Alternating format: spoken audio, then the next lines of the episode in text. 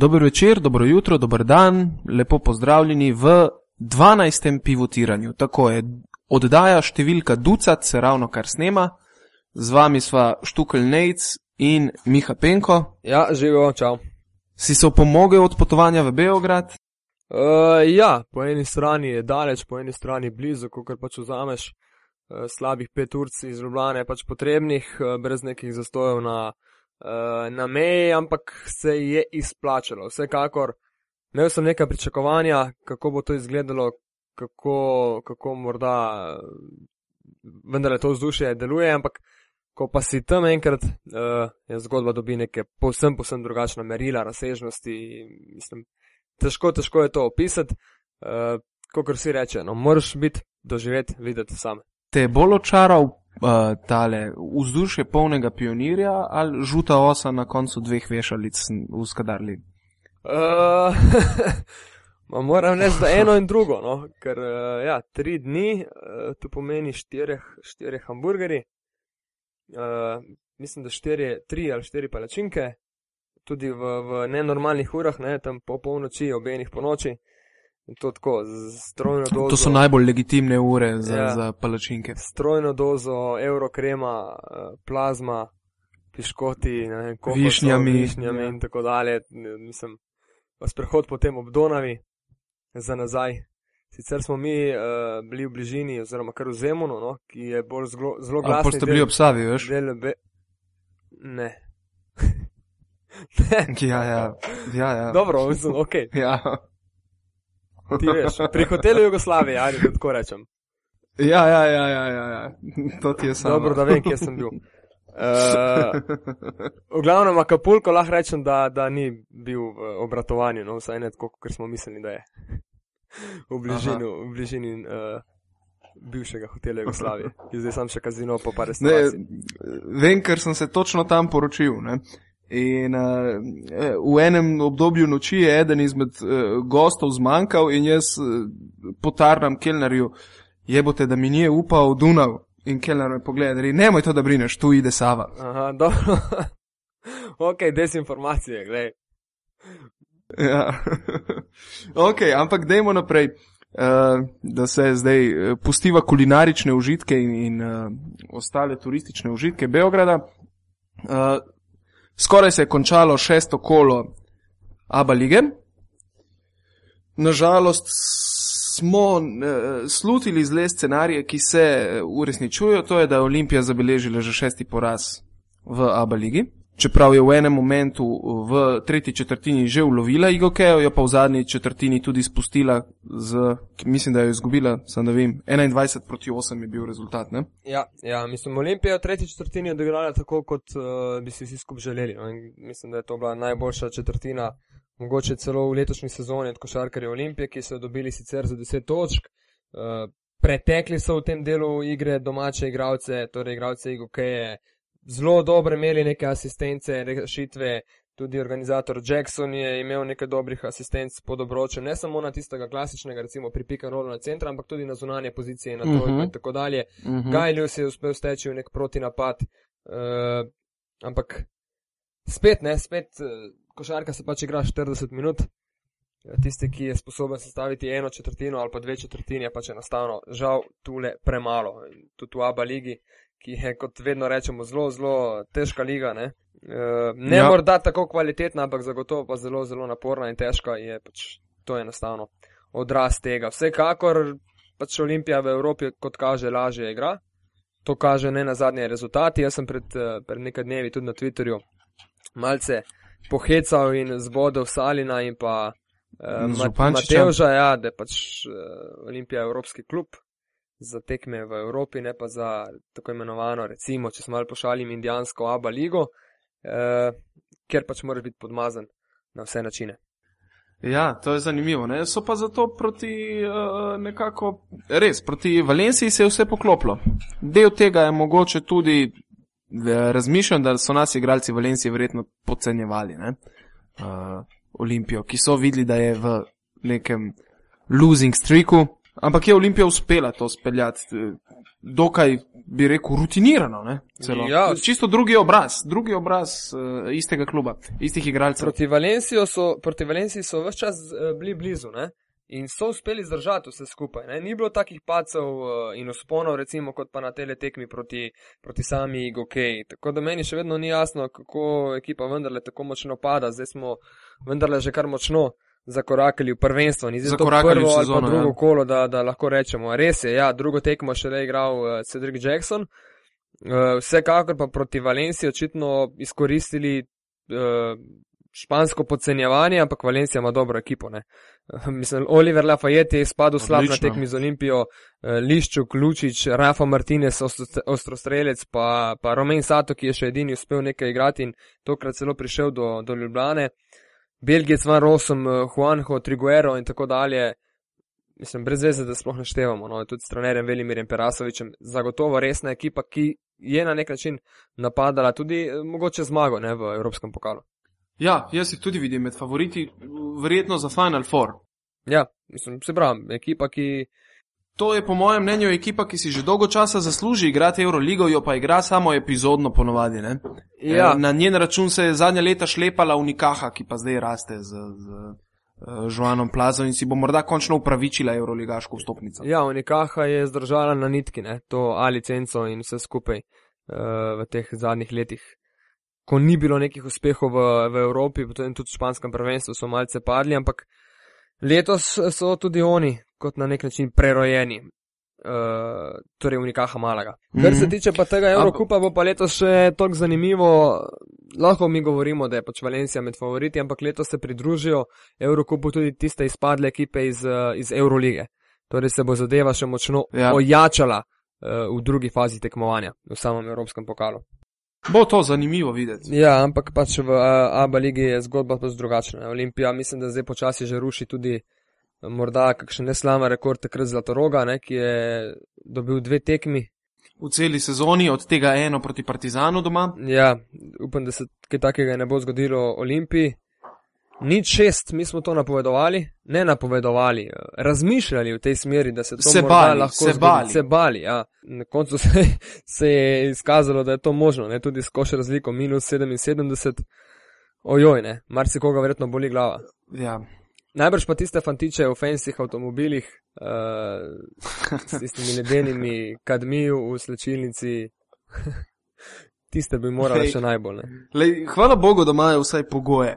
Bo, eh, do zdaj se je razmere govorilo, Olimpija je na račun svojega dobrega imena privabila kakšnega igralca, ki je vedel, da bo to odskočna deska, mogoče bojo jo pa zdaj raje privabili na račun dobrih pogojev. Ne? Ja. Ok, pojdiva naprej, mi tako imamo občutek, da imamo Olimpijo vse preveč po zobeh, eh, do neke mere si kar sami to sicer zaslužijo. ja, ampak mislim, da je Ali? normalno, ne, ker je vendarle naš največji klub in tista znamka, ki najbolj vleče. Točno to. Kakorkoli pač obrača. Največji klub in najbolj bode v oči, če pogledaš zadeva na lestvici. Ne? Edini še brez kakršne koli zmage, za dve zmagi nam bežita Zadar, Široki in MZT. Uh, no, kar sicer ni kritično, ampak če bi ti za dve zmagi bežal nekdo za Final Four, ne pa da ti za dve zmagi beži nekdo pred izpadom. Ja, zadnji. Ja. Uh, Krka ni uspela usiliti svojega ritma Zadru in prvič v letošnji sezoni izgubila na domačem terenu. Ne? Ja, ampak imela tekmo narejeno ne, v zadnjih sekundah, ker je vendarle imela napad, ga izkoristila, dosegla koš, na drugi strani pa potem dobila, mislim, da trojko ne, uh, Ja. v zaključku tekme. Enostavno eh, škoda za zapravljeno priložnost, ker bi sicer imela že četrto zmago, kar bi pomenilo, da bi bila tretja verjetno ali pa četrta nekje na lestvici uh, in bi to bil, kot, kakorkoli obračamo, lep uspeh potem za, za krkaše, tudi še naprej borba za, za recimo morebiten zaključni turnir četverice ali pa Final Four. Nekaj zicerjev, nekaj prostih metov je krka, mislim, da preveč zgrešila, eh, če me spomin tako na hitro ne vara. Doma 79 točk, obramba 80 prejetih od enega zadra je verjetno malce, malce preveč v tem dvoboju. Ja, sej, nekako se je videlo, da jim ni uspelo usiliti svojega ritma, se pravi počasne stisnjene igre, kjer se igra na 60 točk. Kadar Krka vzpostavi ta nek svoj primat uh, v sami poziciji, kjer prisili nasprotnika v uh, težko selekcijo metov, uh, potem tudi ponavadi slavi. Ne. Ja, hkrati mislim, da, Tokrat, okay. da so krkaši imeli nekaj težav s poškodbami oziroma tudi boleznijo. Če se ne motim, je bil Buker v zadnjem času poškodovan oziroma z virozo, no, preležal par dni in še nekateri drugi igravci. eh, Tako da mogoče gre tudi nekaj na račun tega. Jaz sem Buker in ne na zadnje Ja. ja. igral zgolj 16 minut, ne. Z dokaj skromnim uh, izkupičkom. Kar smo še tukaj lepega videli, bili, je, potrebno recimo omeniti, v tem kolu so praktično vse tekme z izjemo Olimpijine imele nekako više število točk. Ne? Uh, Partizan je pred uh, dobro uro premagal Cibono z 80 proti 71, sta pa zanimivi tekmi tudi Mega Vizura MZT in Solno Kiradnički, ki sta se obe končali z Solno Kiradnički 101 proti 92 in Mega Vizura MZT 101 proti 82. Pri Solnokem je blestev uh, Warren, ne? se je Warren, ja, Willy Warren, ki je v 37 minutah dosegel 30 pik, imel uh, 7 skokov, 10 asistenc, izsilil 10 prekrškov nad njim in indeks 50. To bo verjetno rekord ne, letos. Mokre sanje za vsakega fantazerja, definitivno v tej sezoni najvišji statistični indeks do sedaj. Ne? ja, žal mojega, moje ekipe nisem že, že par kol no, pogledal in malce prevetril. Če povem iskreno, ne vem, niti nimam pojma, niti kateri sem ta moment na lesvici. Uh, bi bil pa zelo vesel, če bi po nesreči recimo Warna dal v zasedbo v tistem drugem oziroma tretjem kolu, ko sem še uspel aktivno, aktivno uh, teletransferje, no, malce pogledati. Imame, da bi cenzuriral to tvojo izjavo, ker daješ slab zgled vsem ostalim fantazerjem. Glej, enostavno je bilo zdaj mal preveč tega, teh zadev, tudi Beograd je terjal svoje, ne, ob, ob Savi ali Donavi niti ni pomembno. Pomembno je drugo doživetje. Tako da bom, bom se mal zdaj, uh, spro, mislim, resen postal, ne. Ja, jaz imam enak problem pri uh, fantasyju v Euroligi. Ne? Tudi sestavljam ekipo preko, ja, in uh, se zgodi, da nekako nisem dobro zadev menjal, ker si nisem za nje tudi vzel čas, ne? da bi pogledal, kje obstajajo kakšni mismeči in tako naprej. Uh, je pa zanimiva ta zadeva, recimo, Radnički je v tem uh, kolu premagal, Evrokupa premagal še lani zelo neugoden Sankt Peterburg, ki pa po odhodu Jureta Zdovca nekako ne najde več igre oziroma česar koli. San, Rezultata nekega nima. ja, St. Petersburg je mislim, da tudi malce eh, znižal proračun. Mislim, mislim da že v času. Jureta Zdovca so oni uh, zniževali celotno zadevo. Sicer ne vem zdaj do kakšne mere točno, ampak njihova zasedba ni ravno zasedba nekih igralcev, ki bi jih iskalo po Evrope. Uh, Medtem Mhm. ko takrat, ko je bil Rezdovc, je vendarle imel nekaj solidnih igralcev, tudi enega, ki je potem odšel playmakerja v NBA. Ja, Eh, Patrika Beverlija je ja, on že zelo Beverlija. dolgo časa iskal. Ja, ja. Tako da zdaj, ko Že pogledamo, pri Olimpiji si ga je želel imeti. ja, ko pa zdaj pogledamo to ekipo St. Petersburga, ni, mislim, nič posebnega. No. Niti s trenerjem, enostavno. Enostavno so se opekli na v Krgujevcu. Ne. Ampak spet pa ni bilo ne vem koliko zmag uh, Aba Ligašov v tem kolu. Ne. Več kot prejšnjič. Dobro, to, to, to drži, ampak tudi Igokeja je bila poražena. Uh, mislim, da oba hrvaška predstavnika ravno tako, ne? Ja. S tem, da Cibona ima zdaj zaporednih že koliko? 28 porazov? Uh, ja, šest V- ali v- v evropskih ja, ja, tekmovati. Ja, ja. Ogromno, ogromno. Ampak to in konec koncev še vedno nič ne šteje. Ne? Važna jim je letošnja sezona v Abu Leigi, kaj bojo naredili. Ja, ko potegnemo črto, sigurno, ne? ampak uh, ekipa pa ni bila sestavljena ravno iz danes na jutri in tudi ne kar tako, mal za brez veze. Ne. Si bomo na zelo solidno zasedbo, sploh na centrski poziciji, kjer so uspeli pripeljati pač uh, košarke, ki bi naj bil igralec eh, kova, recimo Makabija, Darka Planeniča, ki je v Makabiju tudi igral, koliko je pač igral, ampak se še ni našel niti pri Ciboni. Uh, Blessing Game, Šarič, Rozič, so to vsi znani igralci, Med, Jennings, Strawberry, Žižič, Kus, še tule zraven. Ne? Žižič je danes izjemno lepo odigral proti Partizanu in mislim, da je tudi Cibona odigrala svojo tekmo sezone v porazu proti Partizanu, verjetno. Ja, uh, mogoče tako izpada, ja, ko potegnemo črto.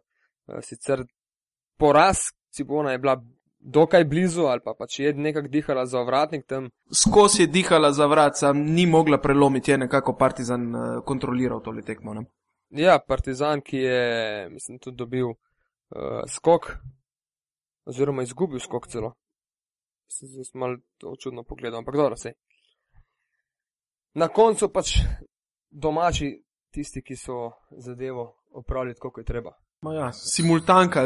Kolikor je izgledalo, je občasno izgledalo prav na simultanko eh, Milosavljeviča, ki mu je veliko pomagal, Žofri Lavern, ampak Milosavljevič je nekako nosil levi delež v tej tekmi. Razvija se v izjemnega beka. Mislim, fizično je močen, eksploziven, zna zadet in, in ne ustraši se, ne kontakta, ne ničesar. On je v najboljši formi, ne letos pri. Čvrst je, čvrst je ne izjemno. CERN v Beogradu zelo hvalijo tudi Kinsija, ki tokrat ni igral, uh, se pravi proti Ciboni. Uh, tudi Westerman je rahlo še vedno poškodovan, še z prejšnje tekme, zato dobi dalo nekoliko več priložnosti na, na mestu playmakerja, ampak Dragomir Savljevič pa igra fenomenalno. No, v prejšnjem kolu Eurolige, se pravi ne v tem zadnjem odigramu, ampak še enem prej je tudi bil s potezo kola, uh, ko mu je Westerman podal na Ali Upne in je Milosavljevič ja. potem noro zabil v domači dvorani proti Nanterju takrat. Ki je pa, če se zdaj kar osredotočiva že na Euroligo, zelo presenetljivo zmagal v Blaugrani. Ma, sigurno je to največje presenečenje uh, tega kola. Mislim, mm -hmm. Drugo ne more biti presenečenje take faze oziroma take mere, kot je zmaga francozov, ki so teden dni prej izgubili v Beogradu za 30 točk. Zmaga potem. Ali 40 celo. Ja, Full. Ja, ogromno. Zmaga potem v eni Barceloni uh, na tekmi, kjer, je, kjer to ni prišlo čez noč, ampak je Barca vse čas videla, da so francozi blizu, da ne popuščajo, da bo pač potrebno prestaviti predstavo dve više, ampak ni uspela. Uh, na koncu sicer štiri točke razlike, ampak to zaradi tistih prostih metov, ki so jih francozi imeli praktično že po izteku igralnega časa. Ja, tako da je tista uh mhm. -huh. recimo, razlika bila dve točki, no, ampak Barca je imela napad, ni zadela in potem samo še dva prosta meta za Nanter za, za končnih 71, kar je močno zapletlo predvsem situacijo uh, v Partizanu. skupini, ja, predvsem Partizanu, ker zdaj je jasno, ne, nekdo mora premagati tekmecev, kot so Budivelnik. Enega od velikih. In uh, Partizan, enega od velikih in morda tudi to v končni fazi ne bi, ne, lahko ne bo dovolj. Ne. Partizan ta mm -hmm. moment je na tretjem mestu zaradi koša razlike, Barca četrta, Budivelnik in Anter uh, na zadnjih dveh v skupini A, ampak vse štiri ekipe imajo zmag in dva poraza. Ne vem, kdo, si, kdo bi se mislil, da bo ja. imela Barcelona po uh, treh odigranih srečanjih izkupiček, ne kot recimo Letovo Sritas, Zelena Gora, če grem dalje, ne, ali pa ne vem, Emporijo Milano, ali pa ne na zadnji Anter. Izjemno zanimivo bo to. V naslednjem kolu prihaja v goste, recimo Partizanu.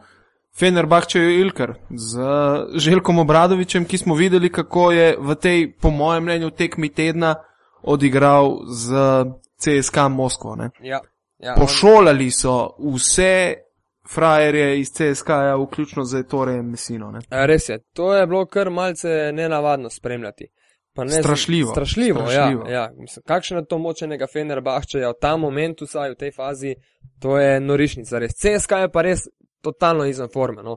Jaz sem že prejšnje tekme, ko smo, ko smo malo pokomentirali in gledali in proti Nanterju in tako dalje, CSK vendarle imel kar velik težav, že v Franciji, eh, ko pa naletiš na, na Turke, ki so razprodali areno v, mislim, enem do podnevu, par dni pred tekmo, potem ti je jasno, da je zgodba vse prej kot. Kot lahka. Za, takega, za takega fanatizma nisem videl jaz od uh, svetovnega prvenstva, ko je bil v Turčiji, pač, eh, kar se tiče turških tekem. Ja, noro, res noro. In, in eh, tekma se mi zdi, po mojem mnenju, je bila tekma že dobljena v prvi minuti, ko je bila na parketu uh, Peterka, Nemanja Bjelica, Gašper Vidmar, Kenan Sipahi, Bojan, Bogdan Bogdan, Bojan Bogdanovič in Emir Prelžič. Ja. Se pravi, štirje igralci, ki lahko prenašajo žogo takoj po skoku, imajo izjemno hitro tranzicijo in niti ne veš točno, kateri od njih bo zaigral na playmakerju. Ja, Belica Nemanja na tej tekmi mislim, da zamenja vseh pet pozicij. Dogaja, v enem momentu je igral celo na petki. In dogaja se tudi to, da na petki igra recimo Lina Skleza. In je potem ja. Fenerbahče brez centra ali pa z lažnim centrom, ne vem kako bi ga sploh poimenovali v tem primeru. Uh, ne, ne CSK, ampak Fenerbahče. CSK pa potem v velikih težavah na drugi strani, jasno, s Kaunom ne morejo braniti takšne zasedbe Fenerja, s Krstičem imajo potem težave, ravno tako karkoli obraniti in Fener je enostavno to. In izjemne izkoristil. težave imajo tudi to napadati, ne? ker Mesina zelo rad ima igro, kjer išče mismeč noter, ko žoga kroži. Ne? In tukaj enostavno ni imel mismeča na nobeni poziciji, kamorkoli je žoga zakrožila. Ne? To, to bo noro no, spremljati Fenerbahče, vsekakor tudi v nadaljevanju, sploh zdaj proti Partizanu, ki je, ki je pač dan zmagal v Abu Leigi, ki skoraj se pričakuje v Beogradu, da bo enega od velikih doma premagal. Bodi si Fener, bodi si Mora, Barco, bodi mora. si CSK, verjetno najtežje je ravno Fener Bahče, ravno zaradi tega trenerja, no, zaradi Obradoviča, ki bo, mislim, da pripravil fante na drugačen način, kot so morda pri Fener Bahče v preteklih sezonah. Eh, Še ena zanimivost, no, Turki recimo nimajo takšne vloge pri Fenerbahčeju uh, v letošnji sezoni. Ne. Tudi sklopi, kot izstopajo Klejza in McCaleb, ti je jasno, da gre za neko izjemno, izjemno zasedbo. Ker preteklosti je mm. -hmm. ipak tole igral Savaš pod košem, pa Semi Herden, mislim, da je bil tudi uh, eno sezono, tako da so zdaj to mal razčistili to zadevo. Če ne štejemo, seveda si Pahija in pa Prelžiča kot turška igralca. ne. Uh, kar je še tukaj zanimivo, ne vem, no, kar peva iti naprej zdaj uh, na skupino B. Ja? Nič kaj posebnega se ni zgodilo v skupini B, če vidim. Žalgiris je eh, odpravil Strasburg z novim trenerjem, Šuljo Štombergas, ki še vedno drži rekord Eurolige v trojkah, še ko je igral za časa Tav keramike, mislim, da je bilo to leta hm, 2001, se izmišljujem, 99 je metal trojke, ne? Mislim, dober spomin imaš. Vem, da tisto leto si nisem želel, da bi Olimpija igrala proti Tav Ceramiki. o, eh, zanimiva zgodba je še Šuljesa Štombergesa, ker je po končanju svoje eh, košarkarske kariere eh, odšel v gradbeništvo, odprl gradbeno firmo in v svoj osebni denar uložil van, na kar se je s prihodom gradbeniške krize njegovo podjetje zrušilo in človek je bankrotiral, tako da zdaj začenja svojo finančno kariero iz začetka. Ja, ne vem, če je Žalgiri strano super uh, štartna točka, kar se tiče financ, mogoče pa za kakšno, kakšen preskok potem v kakšen drug klub pa ja. Ja, lani vem, da je še igral, ali predlani je še vedno igral, potem ne. je prišel iz uh, igralskega pokoja nazaj, ker je potreboval uh, zagon za naprej. Brose Baskets je premagal v zadnji ja, sekundi Baskets- končno. Ja, s trojko iz desnega kota Caseyja Jacobsna, ne? Uh, mislim, da dve sekundi pred koncem tekme proti Efesu zmaga za Nemce, ki tako ostajajo v igri tudi v skupini B, Real pa v bistvu brez nekih večjih težav proti Milančanom, uh, ki bodo zelo težko, eh, mislim, da prišli tudi do, do četrt finala ali kaj podobnega. Real pa znova preko tistih 90 točk. eh, Nek, Z lahkoto. Standardna zadeva, sploh v zadnjih letih za, za Madričane.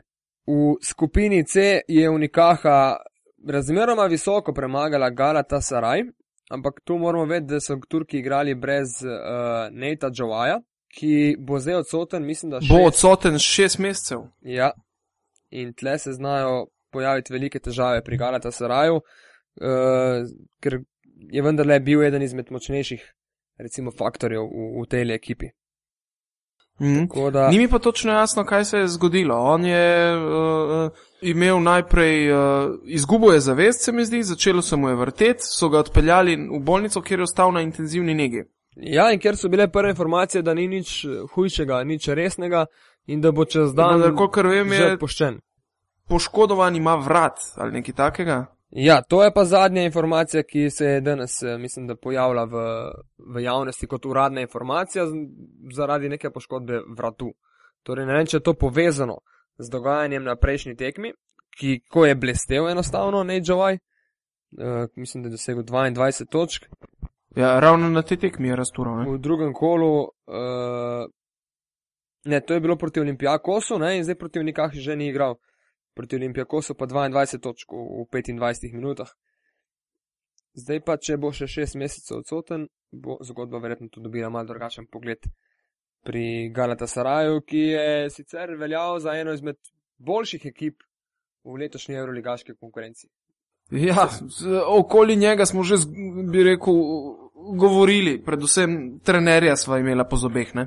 Dobro, to je za zdaj neke simpatije do trenerjev, takšnih in drugačnih. Mislim, da jih Slovenci tudi zaradi košarkarjev, ki so nekoč igrali za EFS, ne, prvi vrsti Bokija Nagbarja, nimamo do Ergina Atamana uh, nekih super dobrih občutkov. Uh, še kaj omenimo tukaj? Ja, Olimpijakos ja. je nekako s težavami šel čez Bayern München. Ne? Bayern se je kar nekako držal. Zelo dobro so se celotno tekmo. Ja. Ja. Uh, Pokazal je, da zna mešati štrene najboljšim evropskim klubom že v tej sezoni. Ne? Uh, Monte Paschi si ena pa z novim porazom. Letos 65 točk premalo proti Poljakom, ki so tako uspeli dobiti eno tekmo. Spraševali smo se, koliko jih sploh lahko dobijo do konca leta. Očitno več kot. Isto so začeli sezoni kot lani. Z 0-3, potem so pa naredili 3 ali 4 zaporedne zmage. ja. Sam z veliko boljšo ekipo v lanskem letu. Ne? Ampak spet prijemo do tega, da ima Zelena Gora isto zmag in porazov kot ena Barcelona. Ne? Ker kar mogoče tudi da neko novo izhodišče za, za razmišljanje vsem skupaj. Ja, sem ne v isti grupi. Ne? Točno tako.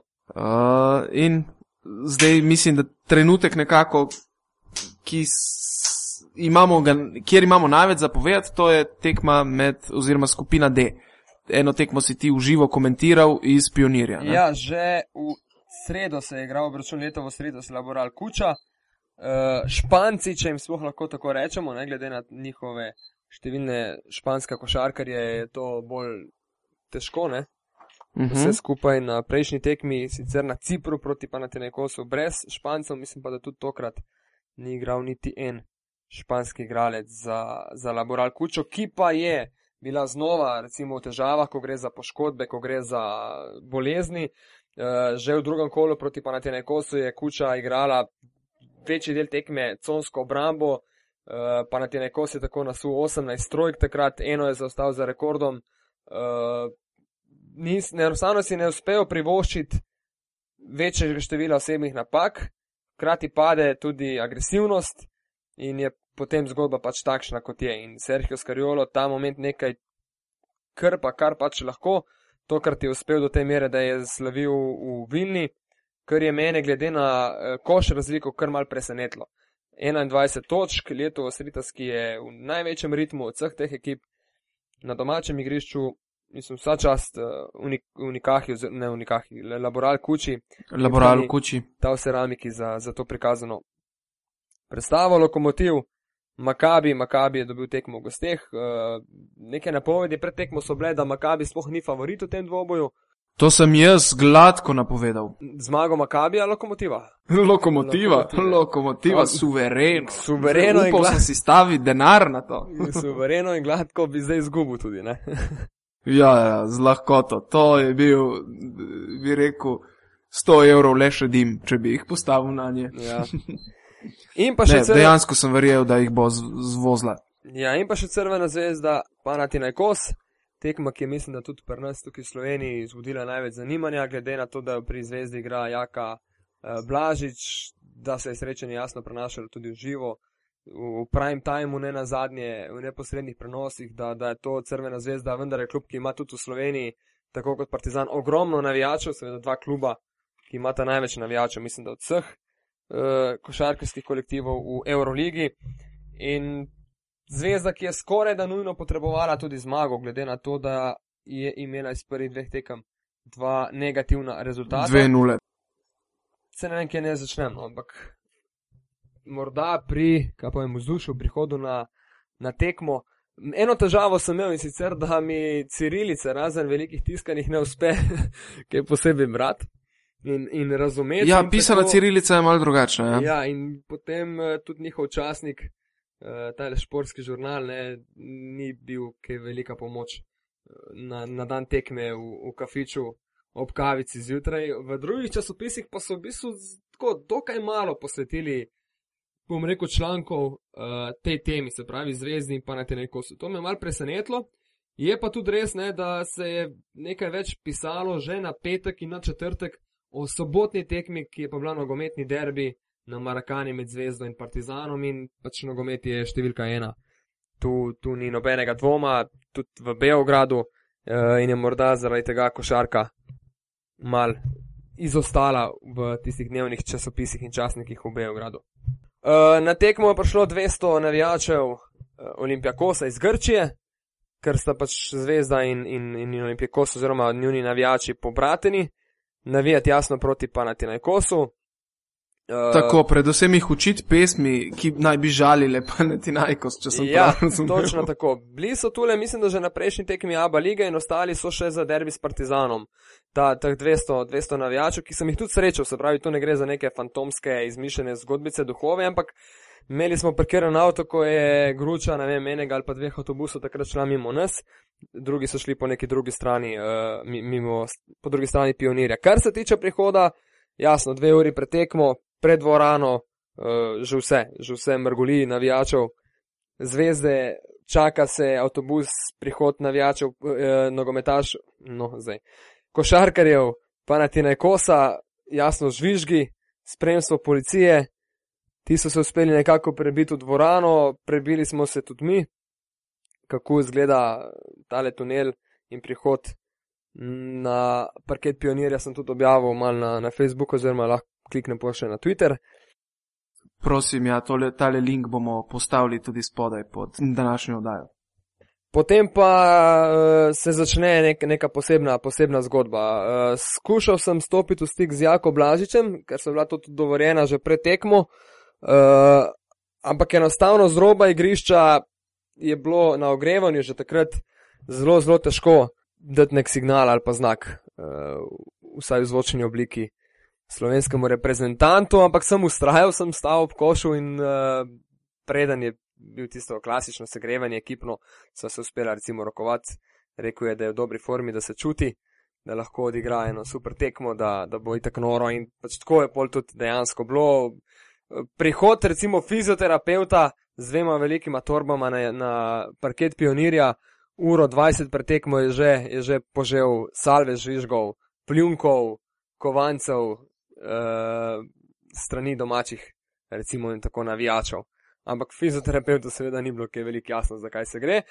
Verjetno pa tudi ne vsem skupaj, ne? potem uh, tujim novinarjem, bili so tole novinari iz različnih držav, ne samo iz Srbije in pač uh, jaz in kolega Lukaš Tocini Slovenije, ampak uspeli smo dobiti tudi še nekatere druge uh, in nikomor ni bilo jasno, zakaj se kakih na ogrevanju, ne vem, 35-30 minut pred tekmo, ko so že igravci na igrišču in se ogrevajo, zakaj se izvočnikov sliši na glas ob spremljavi petja navijačev himna košarkarskega kluba Olimpija Kosne. To je še ena izmed zanimivih zadev uh, iz tega derbija.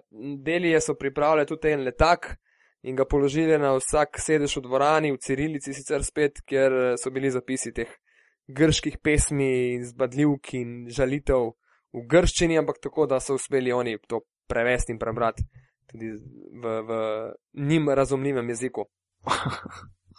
Kašna angažiranost. Ampak, evo, to, to tudi lahko eno fotko damo, no? mislim, da sem tudi to uspel slikati oziroma fotkniti pred tekmo. Sama predstavitev predlagam, da si vsak pogleda video, da vidi, kako izgleda. Uh, potem pa pač tekma kot tekma. Škoda za crveno zvezdo, to lahko rečemo, da ni izkoristila pionirja, da ni dobila te tekme in potem ostala z bistveno večjimi možnostmi v boju za drugi del tekmovanja v Euroligi. Trije porazi, od tega dva na domačem parketu, to je seveda najslabša možna varijanta od prvih treh tekem, ki jo seveda imaš. Podaljšek, ja. ki ga je silil Blake Shilp, verjetno si videl trojko. Z trojko preko roke, ja? Mislim, totalno preko roke, med, ki ga je malo kdo videl, verjetno v obroču, ampak ne vem, neka boginja, fortuna, sreča, ne vem, kdo je se moral poljubiti, tokrat Bleka Šilba, da je zadev trojko, ampak pa na ti naj, ko se je vrnil v podaljšku, zadev takoj dve trojki, odšel na plus šest. In potem dokaj mirno, bom rekel, vse skupaj pripeljal, pripeljal do konca. Pripeljal ja. do konca ja, in zasluženo slavil. Vmes eh, nekaj, eh, nekaj laserjev naravnost v oči in obraz Dimitrisa Diamantidisa. In če tule še nekaj dodam, Uh, ravno danes sem dobil en namik strani enega izmed sicer slovenskih uh, sodnikov, da, ki pa želi posnetek z te tekme oziroma prav z te akcije, da je zdaj to primerno za debato, kajti Diamantidis je v podaljšku ob enih penalih, ki jih je imel prvega izgrešil, potem ponovil ta prvi prosti met in to bojda ne me zdaj držati za besedo, ker se pravi, to je še nek, nek način v fazi debate. Boj, da pravila tega ne dovoljujejo, ampak dovoljujejo zgolj ponovitev prostega meta v primeru prestopa enega izmed nasprotnikovih igralcev. Če so to sodniki naredili in so to sicer verjetno to najbolj pošteno do, do igre in do, do samega igralca in do vseh skupaj, ampak če so to naredili, je to materialno kršenje uh, pravil, ukolikor seveda nima ulep neke svoje ali ne, ki to dopušča. Tako da bomo videli, če se bo to še kaj v teh dneh razpletalo na kakšen drugačen način. To mora biti predmet nadaljne debate, zato ker se te laseri, predvsem na tekmah na Balkanu, pojavljajo povsod. Največ seveda motijo se mi zdi na košarkarskih terenih, so pa tudi prisotni v rokometu, kjer je pa no, manjkrat se zadeva zaustavi, ampak košarka je nekako. Povsod jo vidimo. Videval sem jo že pred leti v Beogradu, se spomnim že, ko je Makabi igral četrt finale mm, Eurolige v, v Beogradu. Uh, ja, predvsem v Grčiji. To se mi ne? zdi eden najbolj podlih načinov v bistvu. Glej, uh, ti ljudje, da ne rečem ravno navijači, ki so bili v dvorani v Pionirju, niso ravno izbirali sredstev, uh, kako pomagati. Držali so se, dokler je zvezda imela 14-15 točk lufta. Uh, so se držali malce nazaj, ampak potem je pač letelo. Tudi pljunki so leteli preko naju s kolegom Štucinom, uh, ker so valjda parter za košem razširili do te mere, da smo praktično, ko so se usedla na stol, imela hrbet na ograji navijačev, ki so vse čas skupaj tresli in ni bilo pol težko, ne, kogarkoli zadeti z, z kakšno malo bolj tekočo stvarjo. Ja, bože, kakšen Teksas, mislim. ja, Teksas, Teksas. Uh, ampak zaradi tega Teksasa je bil, je bil pa na tenekos uh, kaznovan. Zaradi laserjev in predvsem zaradi tega, ker je bilo na eni izmed tekem lani uh, z, v četrt finalu preveč ljudi v dvorani, ker se ni videlo stopnišča, ker se ni videlo izhodov in tako dalje. In zanima me, če bo Euroliga zdaj reagirala podobno. Sicer je v OAK bilo nekaj tisoč več ljudi, ne v Pionirju morda na oko bom dejal 500 ali pa 1000 preveč, na obeh parterjih predvsem, ker dejansko ljudje niso mogli sedeti, tudi če bi sedeži bili, ker so stali en zraven drugega in še nekaj, ne, uh, tisti, ki so ljubitelji cigaretov, bi z lahkoto lahko tudi kakšnega prižgali, ker ga prižigajo tudi varnostniki, ne samo, ne samo ljudje na tribuni. In pa jasno, novinarski kolega na naši levi strani, uh, bil nekje iz tujine. Uh, nisem ga sicer vprašal, odkje, ampak ko so pozdravili Igorja Rakočeviča pred tekmo, domači navijači me spraševal, kdo je to. In predvidevam pač, da ne gre iz, za nekega našega balkanskega pisca. Ampak ja, cigaret si pa brez težav in lagano prižgal. Tudi sam. Tako da zgodbice je ogromno, kar se tega tiče, mislim, lahko bi, lahko bi tule razpledali še, še dolg časa. Jaz upam samo, da bom uspel našega direktorja prepričati, da se odpravimo v Beograd še na kakšno tekmo v letošnji Euroligaški sezoni, bodi si na Crveno zvezdo, ki je pač delam, ali pa tudi na Partizane, bom imel nič, nič proti, ki ga sicer malce bolj na sportklubu redno pokriva na nek način tudi nekdani igralec Partizana, Peter Vilfan. In če on ne bo na nek način. Mislim, igral je od... eno sezono in uvrščen je v najboljšo peterko vseh časov Partizana. Točno, ne, ja. Mislim, sej, uh, tudi ko se on pojavi na, na parketu pionirja, ko gre na svoje mesto, to hitro opazijo tudi, tudi navijači in ga pozdravijo, recimo, s toplim aplauzom. Tako ja. da ne gre ravno za nepoznano. Še osebo. ena stvar je zanimiva na tej tekmi. Uh, Panathinaikosov igralec Nikos Papas, ki je bil letos pripeljan v Panathinaikos, je končno zablestev. Ne? Končno pa govorim zato, ker je to nekako član uh, grške zlate generacije letnika 90, ki je osvojila vse možno. Ne? Z njim so bili skupaj tudi uh, Kostas Papa Nikolaou. Mislim, kar se tiče Papasa, je on uh, bil ključni igralec te tekme. Odlično je vodil Panathinaikos, odlično je zadeval, imel je prodore, imel je asistence. Mislim, zato tudi toliko nižja, recimo, sama minutaža za Ukiča, ki je igral nekje okrog 18 minut, pa pa pa, mislim, fantastično. 24 točk z dobrim metom za 2, 5, 9, prosti meti 80, super igra, mislim, enostavno. Nikaj dodati v statistiki, sicer nima opisane nobene asistence, teh ima kar 9 Dimitris Diamantidis, ki pa je trojke metal uradno, zdaj le berem 2-9, jaz sem imel v glavi 2-10, Uh, ampak niti ni tako pomembno. Na Diamantidisu je dolgo časa v obrambi igral tudi naš Jaka Blažič, pa malce tudi uh, Branko Lazič, ki pa je imel ponovno hitro neke osebne napake. Uh, ko potegnemo črto, pa pač nimamo kaj, ne? pa nati najko zdobi tekmo, zvezda zničlo še vedno, kar je zmanjšalo tudi verjetno kakšno moje nadaljne tekmovanje, uh, potovanje v Beograd. Uh, upam, da bo vsaj imela zvezda tjale do predzadnjega kola teoretične, če ne že toliko realne možnosti za, za napredovanje v drugi del Eurolige.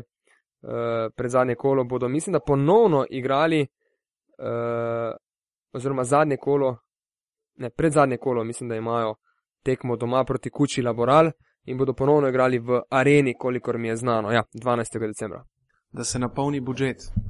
S tem smo predelali v bistvu današnje kolo Eurolige, ne? današnje, od tega tedna. Ja, malce praznično, uh, tudi morda zaradi tega s, kakšen, s kakšnim daljšim razmislekom v tem podkastu. uh, pač vse, vse skupaj, tudi pot je postila svoje, verjetno pa tista sama euforija. Sploh, da so bile že tekme na sporedu, je bilo treba tudi kaj gledati, bomo recimo drug teden, mogoče malo bolj tekoče določene zadeve povedali ne, in prej pogledali na, na zemljevidu ali pa poprašali nekega resnega taksista, ali je Donava ali je Sava ali, je, ali kaj pač gre. Ja, lej, uh, pol kilometra naprej je ušče, ne? se točno, pravi, obe reki točno. se tam zlivata. Točno. No. Tako, Donava ti pa prihaja z druge strani. No, v uščeju pa nisem kaj velik dobil, razen dveh majčk crvene zvezde, ja, to še lahko povem.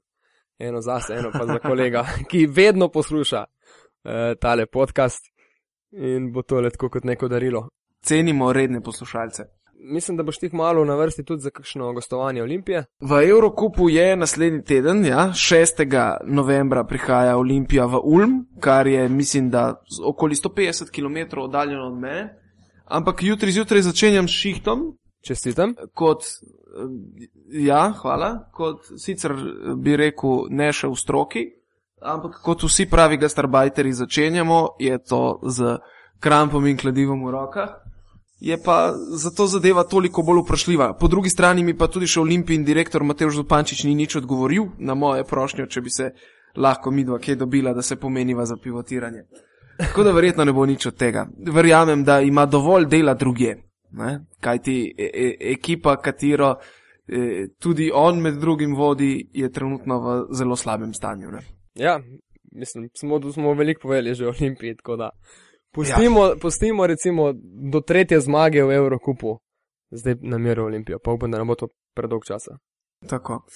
V današnji 12. oddaji je z moje strani bilo malo več povzročenega hrupa, ker je moja žena med tem delala palačinke. Dober tek. Uh, tako, ravno kar so vroče in mislim, da je čas, da zaključiva brez omembe NBA, ker je en fant v uh, Philadelphia 76ers raztural dvakrat. Ga bomo nalepili spode, se pa ne spomnim njegove imena, toliko o tem, koliko spremljam NBA.